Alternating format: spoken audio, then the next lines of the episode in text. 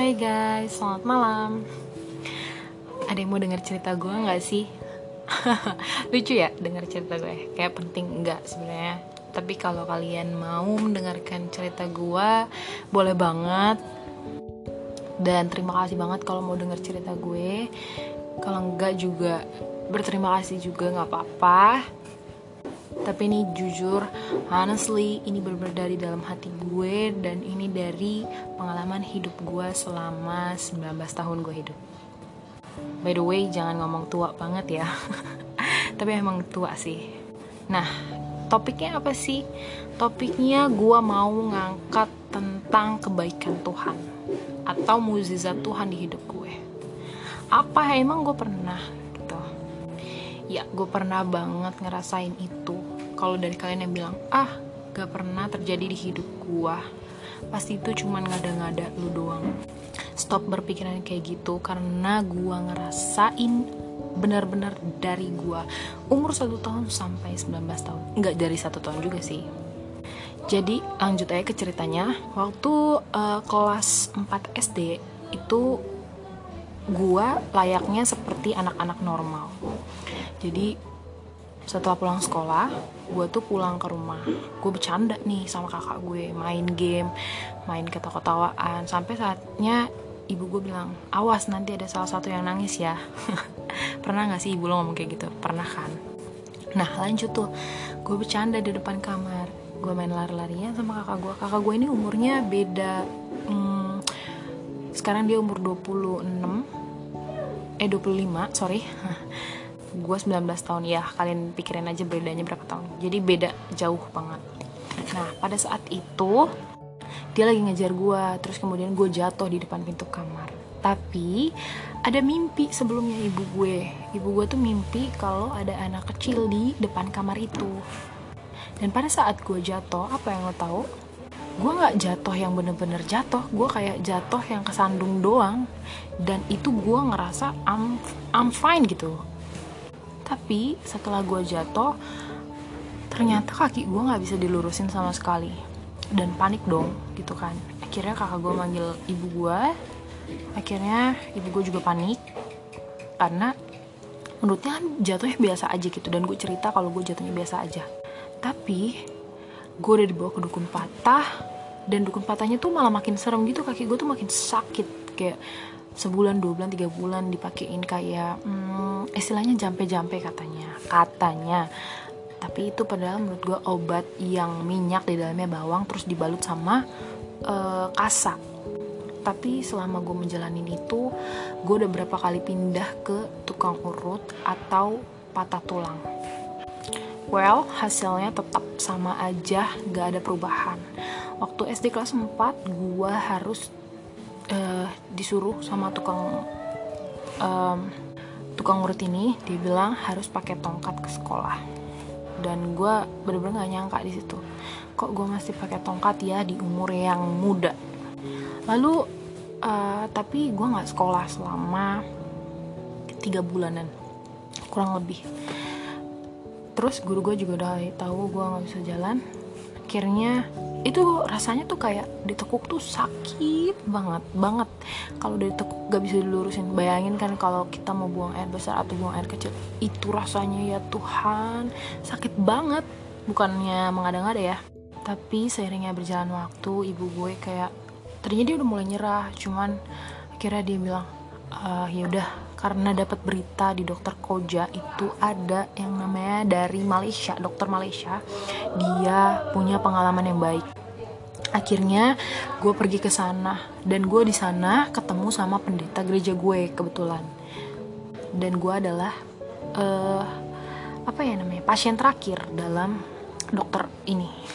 Jatuhnya ortopedi kalau nggak salah. Nah abis itu pas gue kayak gitu kita lagi doa. Dokter ini udah uh, sorry pendeta ini udah selesai berobatnya. Dan dia tinggal ngambil obat. Dan dia doain gue dan gue peserta pasien terakhir maksudnya. Tapi setelah doa kita nggak denger nama gue dipanggil. Terus ibu gue nanya dong loh kok ruangannya sudah tulisannya tertutup? Gitu. Artinya kan dokternya juga udah pulang. Akhirnya ibu gue masuk ke dalam ruangan itu. Terus ibu gue bilang e, anak saya belum dipanggil. Gitu tahu nggak jawab jawaban susternya apa? Udah bu. Tapi selama kita panggil tidak ada yang menjawab. Langsung dong ibu. Gue bilang kami tadi lagi doa maka kami tidak mendengar. Kira dokter yang Malaysia ini udah mau pulang.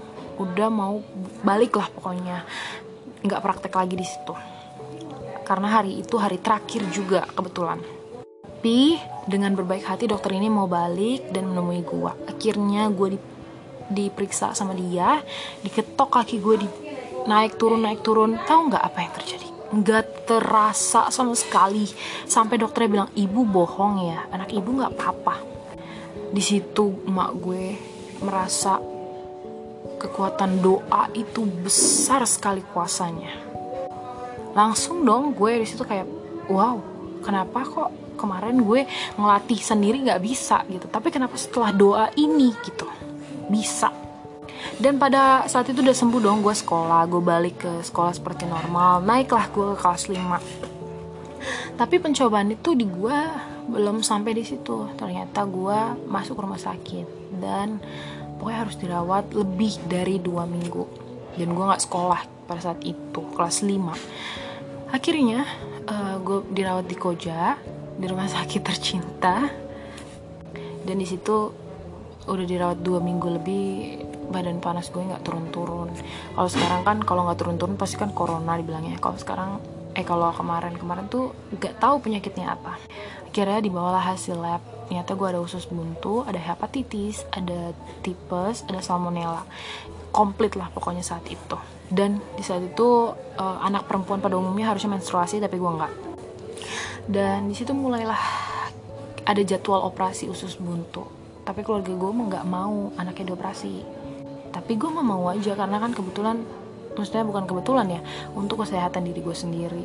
Dan pada akhirnya gue udah masuk ruang operasi udah udah pakai baju operasi ke tempat operasi itu kan dingin banget pasti kan. Dan ditinggal sama dokter tunggu tunggu ada suster yang ngambil gue ke dalam ruang operasi yang benar-benar operasi gitu tapi akhirnya dokter gue ini dokter asli bedah gue ini marah karena nggak boleh yang namanya Margareta harus dioperasi pada saat itu. Karena usus buntu gue nempel sama usus besar gue.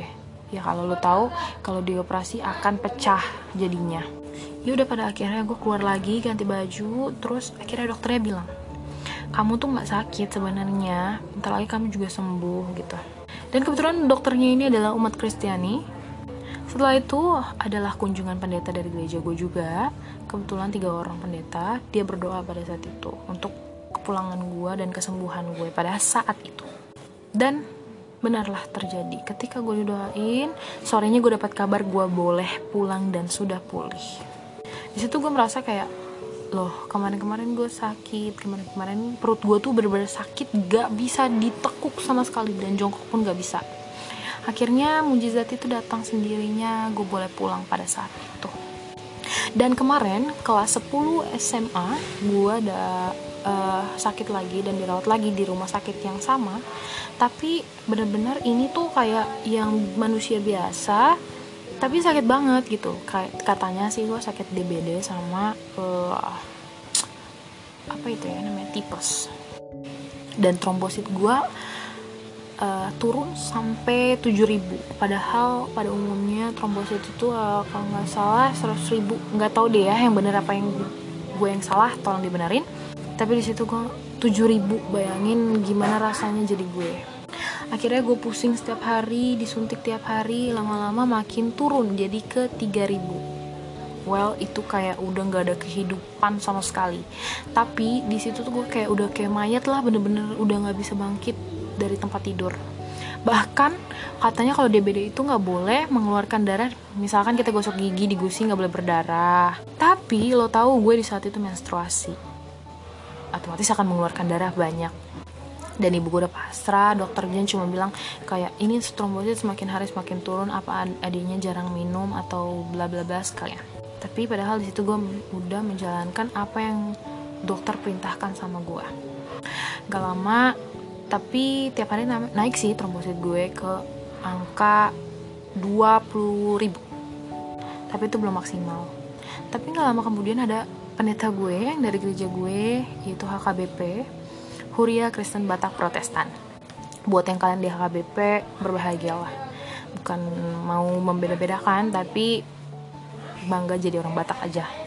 Nah, abis itu setelah didatengin damn gue dapat kabar trombosit gue naik sampai 100 ribu. Syukur banget sih. Gue nggak tahu ya 100 ribu apa apa tapi trombositnya tuh naik di angka normal. Nggak tahu ya trombosit asli itu sampai berapa. Yaudah akhirnya di situ teman-teman gue dateng guru-guru gue datang dan gue dikabarkan pada malam hari gue boleh pulang besok pagi. Gimana rasanya? Seneng banget karena gue ngerasa dunia tadinya udah mau, mau kiamat tapi ternyata ada tanda-tanda mujizat dari Tuhan. Well kenapa gue ngatain kayak gitu? Karena Tuhan baik sama gue selama 19 tahun dan sampai selamanya. Jadi bagi kalian yang tidak percaya akan mujizat Tuhan mulai saat ini berhenti dan yakin sama apa yang Tuhan perintahkan. Cukuplah punya iman yang besar dan tanamkan itu di dalam hati kalian karena kalau kita bilang mujizat itu nggak bakal ada. Stop. Mujizat itu ada kalau lu sungguh-sungguh dan percaya sama dia. Gue yakin apa yang lu doain hari ini buat kesembuhan orang tua diri lu atau apa pun yang terjadi dalam pergumulan hidup lu Tuhan akan kasih mujizat tepat pada waktunya. Amin. Amin dong karena ini adalah cerita terpenting di hidup gue Bahkan ini bisa, semoga bisa menginspirasi kalian semua. Tuhan Yesus memberkati. Shalom.